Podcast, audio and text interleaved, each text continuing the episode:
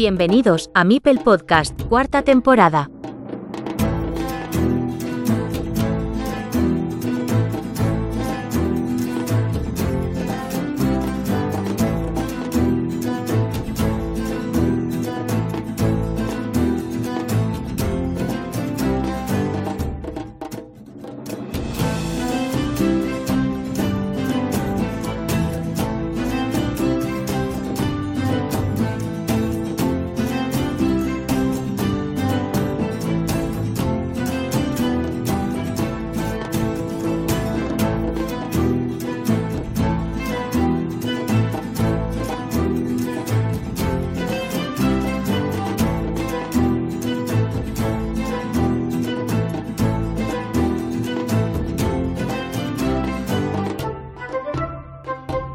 Bienvenidos amigos y amigas carcasoneros, tanto de España como del otro lado del charco. En esta ocasión traemos al canal a un jugador de ese maravilloso país que es Chile, el más largo del mundo, como que tiene más de 6.000 kilómetros de costa, una maravillosa y moderna capital, Santiago, con impresionantes edificaciones, uno de los mayores productores de cobre, de salmón y de uva, rodeado de otros países de habla hispana, Bolivia, Perú y Argentina, tiene clima mediterráneo, en general, exceptuando la parte más meridional, zona más fría obviamente. En España venimos del mes cálido y nos adentramos en el otoño, mientras que en Chile van abandonando el invierno y ya huele a primavera. Hoy tenemos a un jugador habitual de la Board Game Arena, integrante del combinado nacional de su país para el Mundial por equipos online de Carcassonne, y campeón de Carcassonne también en las Main Sport Olympiads en el Grand Prix Online, jugó la final de esta competición ante Afonso Cavaco, o Snofac, el portugués que truncó el camino de Javi, nuestro Juliano apóstata, y tiene en octubre un viaje a Essen, Alemania, para su concurso en el Mundial Individual de Carcassonne durante el Spiel Festival. Jorin Mella, Vainiria, en BGA, bienvenido. Hola Joaquín, ¿qué tal? Muchísimas gracias a ti por la invitación. ¿Te han entrevistado mucho a partir de la consecución de la medalla de oro de las MSO, las Olimpiadas Deportivas Mentales, online? no, no, para nada. De hecho, la comunidad carcasonera en Chile eh, es relativamente pequeña, es algo que está en pañal, entonces no da para que los medios convencionales busquen entrevistarte, no hace mucho revuelo. Sin embargo, los poquitos que somos de la comunidad eh, estaban todos muy pendientes, todos apoyando, fue algo que, en su momento fue comentado. Diría que en tu periplo carcasonero este logro representa tu hito más importante. Sí, sí, de todas formas. De hecho llevo eh, poquito tiempo en el mundo del Carcassonne, eh, así que poquitos logros por ende. Soy fundador, soy cofundador con, con nuestra ex capitana eh, Sofía, un gran saludo para ella.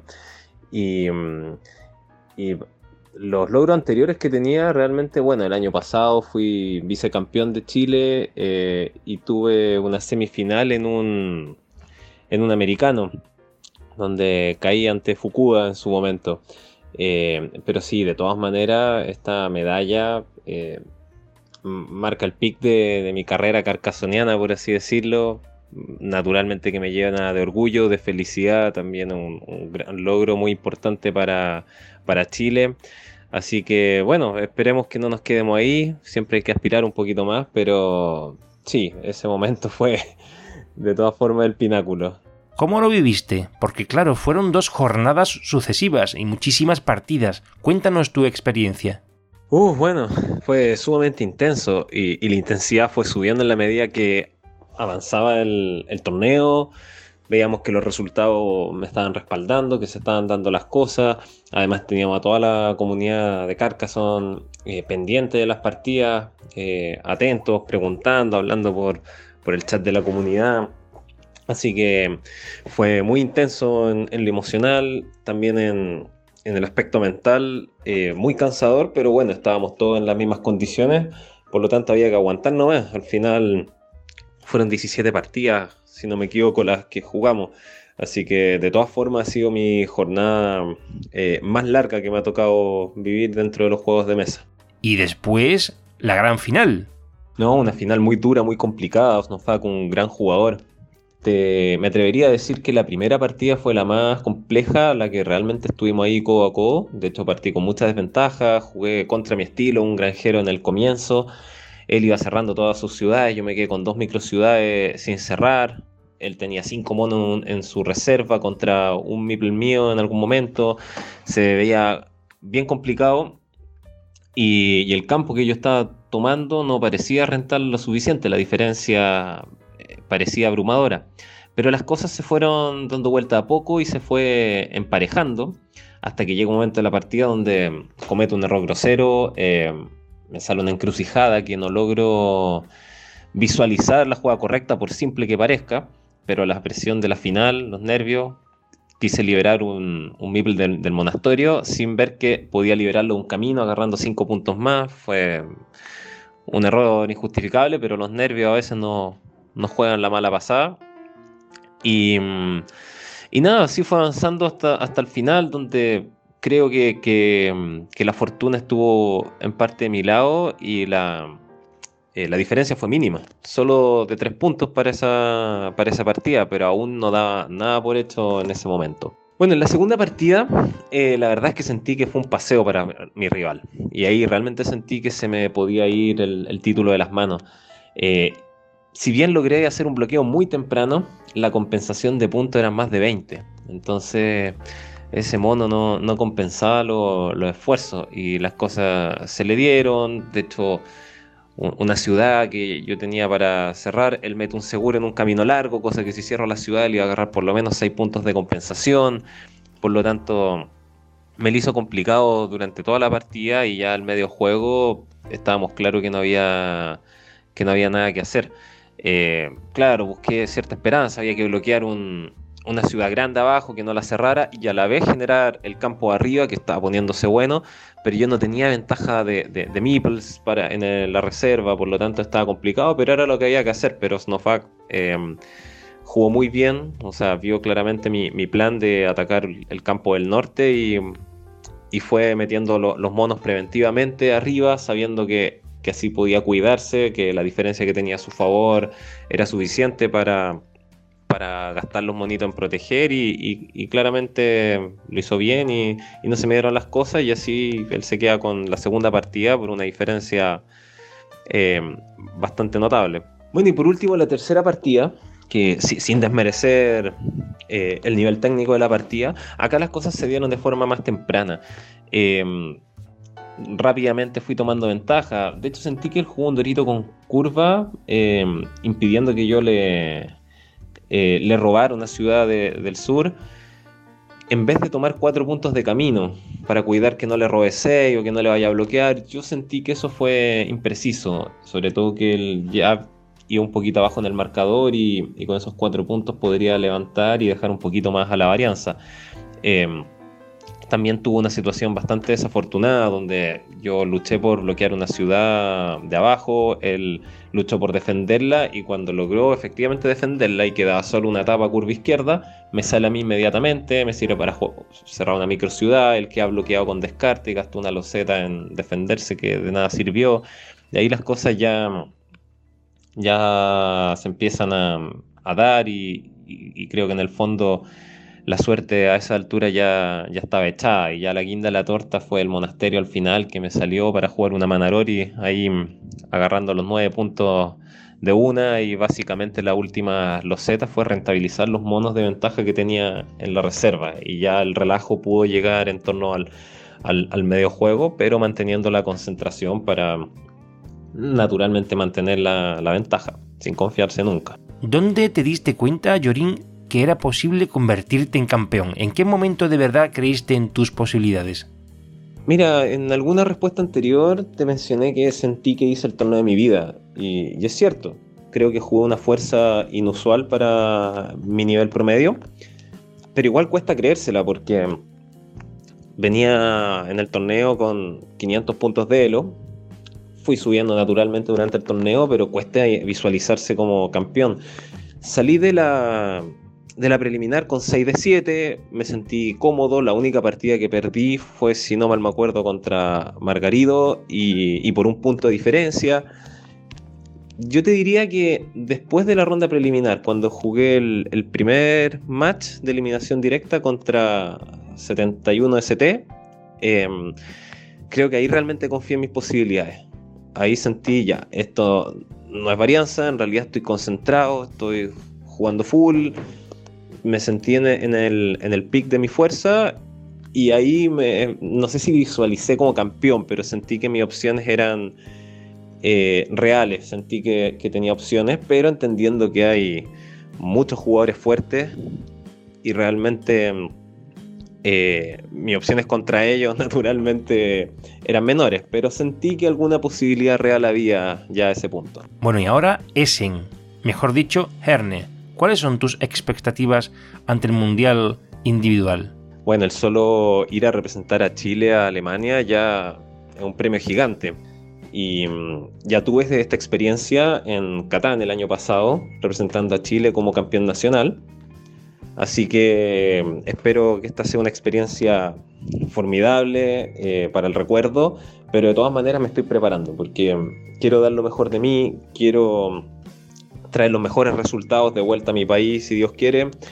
Y, y nada, vivir con toda la fe, pero también con toda la preparación, con todo el apoyo acá de, la comunidad carcasonera.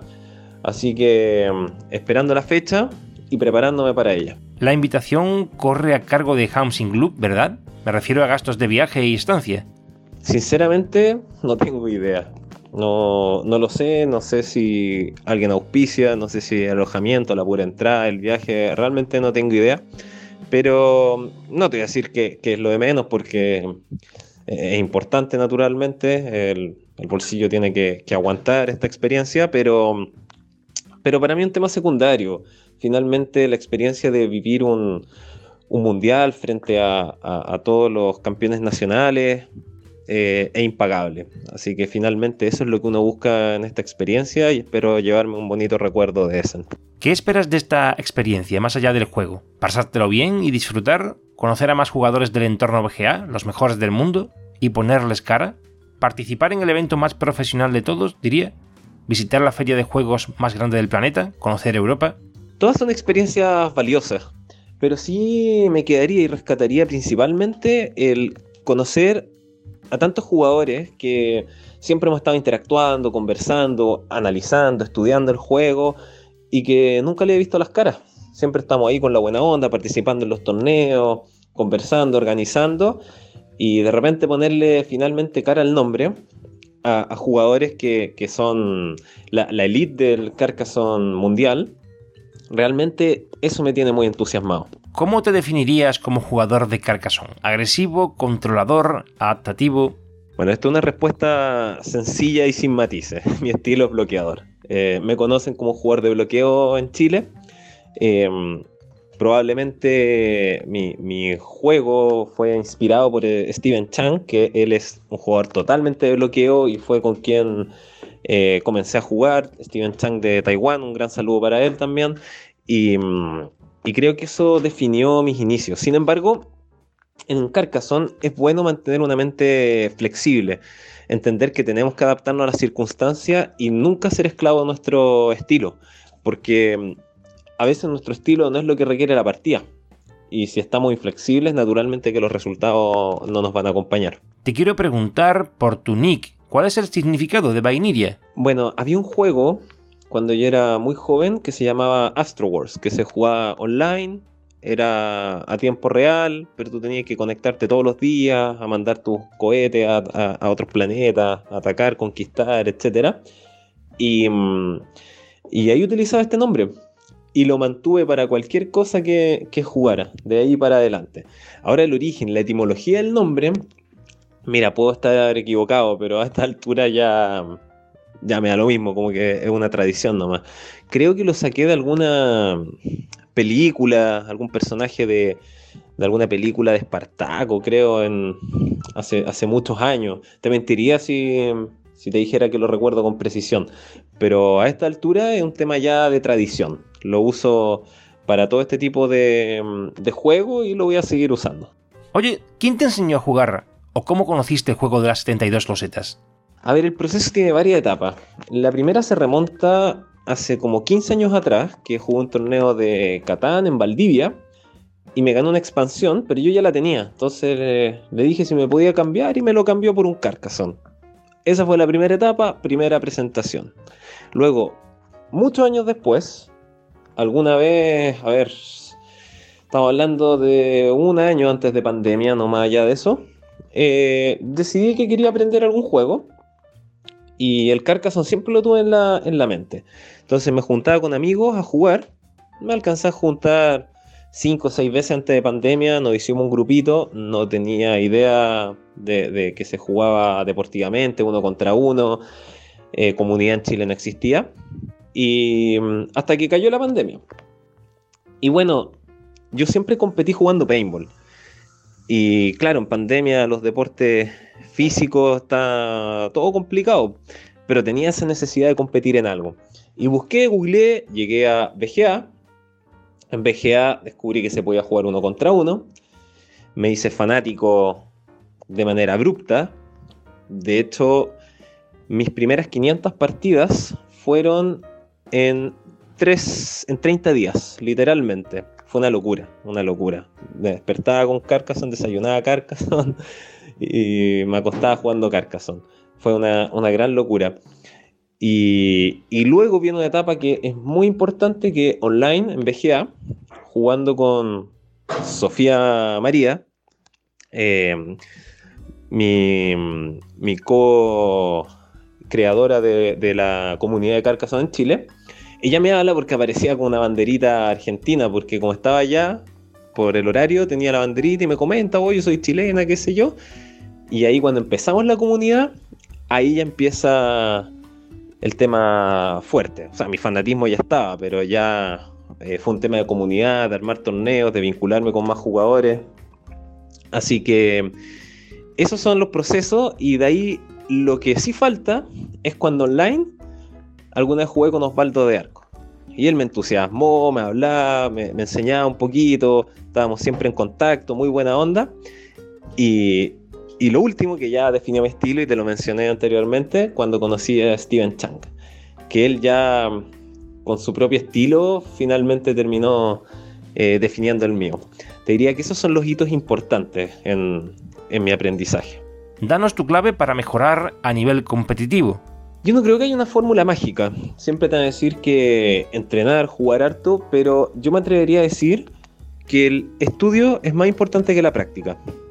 Y me refiero especialmente a analizar las partidas, analizar nuestras propias partidas más que las de otros, porque cuando nosotros podemos darnos nuestro propio feedback, eh, reconocer nuestros errores, nuestras carencias y falencias, podemos mejorarlas, podemos abrir la mente, eh, podemos ir viendo nuevas posibilidades y te diría que eso es lo esencial para subir nuestro nivel y naturalmente complementar con, análisis con otros jugadores, eh, ver partidas modelo de, otros jugadores más fuertes que nosotros y jugar harto, de todas maneras. Eh, pero lo esencial es el estudio. Acerca del Mundial y a pesar de los resultados, tenéis un equipazo. Sí, creo que hemos ido encrechando en la fuerza. Creo que la cultura de Carcassonne ha, ha hecho el trabajo, se ha integrado gente a la comunidad, hemos estudiado en conjunto y, aparecen nuevos jugadores también que, antes no, estaban integrados a, la vida competitiva. Eh, la verdad es que creo que el Carcassonne chileno en general está en su nivel más fuerte, en su apogeo de fuerza, desde que al menos yo tengo uso de razón en, este, en esta comunidad. Perdisteis con las selecciones que clasificaron finalmente para la siguiente fase y también con Estados Unidos en la última jornada. ¿Qué conclusiones extraes de vuestra participación? Me atrevería a decir que los resultados que tuvimos fueron un tanto anómalos en relación a la fuerza del equipo. Sin embargo, eh, no creo que, dé lugar a, echarle la culpa a la suerte, a la varianza. No, yo creo que donde sí fallamos eh, fue en la estrategia, en cómo posicionarnos, a quién hacer jugar. Creo que, que por ahí estuvo la mayor debilidad y que naturalmente nos condujo a resultados a resultados desfavorables. Aunque el plano individual suele quedar al margen, al tratarse de un evento colectivo, quería apuntar tus buenos resultados durante el evento. Ganaste ante el belga Obi Wonder, ante el griego Rico Pazzoni, ante el argentino Evil Hamster, ante el vigente campeón francés Valois, ante el peruano Spacune y ante el americano Zackbell. Tan solo perdiste frente al capitán portugués Margarido. Tu balance es muy bueno. Sí, bueno, me, alegra mucho poder haber aportado mi granito de arena al equipo. La idea es siempre intentar dar lo mejor, concentrarse, eh, porque claro, a pesar de que es un juego en, equipo, las partidas son individuales y, la sumatoria, o sea, el resultado del equipo depende de la sumatoria de, de los resultados individuales. Así que contento con mi desempeño individual, pero naturalmente no se logró el objetivo. Así que nada, pues estaremos eh, con el equipo intentando lograr mejores resultados en el futuro y preparándonos para eso, por supuesto. Cuéntanos tus objetivos sobre Carcassonne a medio y largo plazo. Bueno, a nivel individual como jugador, eh, sí tengo un, objetivo que es pasar en algún momento en BGA eh, los 700 puntos de Elo. Creo que eso con un poco de trabajo durante el año se podría lograr. Eh, ya llegué a los 673 en, en, su momento, posterior a las Olimpiadas, donde estuve eh, probablemente en el, en el pic de mi fuerza. Pero la idea sería naturalmente lograrlo de forma más consistente. Y, a nivel de, de, comunidad, ahí sí hay más objetivos. En realidad la idea es integrar más gente en Chile, eh, hacer que sea un juego más popular y tenemos algunos planes con la comunidad para eso, que tiene que ver con la organización de torneos, eh, alianzas con lugares para, para jugar que existen acá en Chile e ir buscando más difusión. Realmente creo que los objetivos de largo plazo son más de la comunidad y, y creo que son importantes para poder aspirar con más jugadores, mayor comunidad, a tener mejores resultados en el largo plazo. Yorin, ¿quieres contarnos algo que no te haya preguntado o deseas compartir alguna anécdota carcasonera? Bueno, podría sonar de, picado, como se dice en Chile. Picado, así como que uno no quiere aceptar la realidad. Pero bueno, eh, te voy a comentar lo que me pasó en la final nacional el año pasado, jugando contra Angelo, que, eh, alias Vixam en BGA, el cual me ganó la final. La final en Chile se juega una pura partida. Y en esta partida la verdad es que iba bien. E, era el favorito, iba bastante bien. Eh, y llegó un punto donde condeno dos meeples a, una carta que era la tapa con encrucijada. Y quedaban las tres. Y, y no me salió ninguna. Eso sí fue, horrible, no, no, me, no me gustó nada en su momento, pero yo no soy ningún mal perdedor. Al final eh, era un 12,5% de chances de que no me saliera. Y bueno, no me salió, perdí pero para ser justo, una semifinal también la gané con un 50 y 50. Por lo tanto, eh, uno no puede estar echando de la culpa a la varianza, sino trabajar para, para disminuirla. Dime una cosa, ¿qué marca para ti la diferencia entre un buen jugador de Carcassonne y un verdadero maestro? Yo creo que un buen jugador se hace jugando. Creo que un verdadero maestro se hace estudiando y aprendiendo los errores no echándole la culpa a nada, sino asumiendo que todos nuestros resultados dependen de nosotros, independiente de, que la fortuna algunas veces nos favorezca o no. Creo que un buen jugador eh, va a calcular el, porcentaje de que le deba salir una carta y punto, pero creo que el verdadero maestro va a ir preparando la partida desde el comienzo hasta el final para ir disminuyendo esa varianza, para que llegar a esa a esas situaciones donde el azar sea el que defina, eh, esté a tu favor o sea inexistente.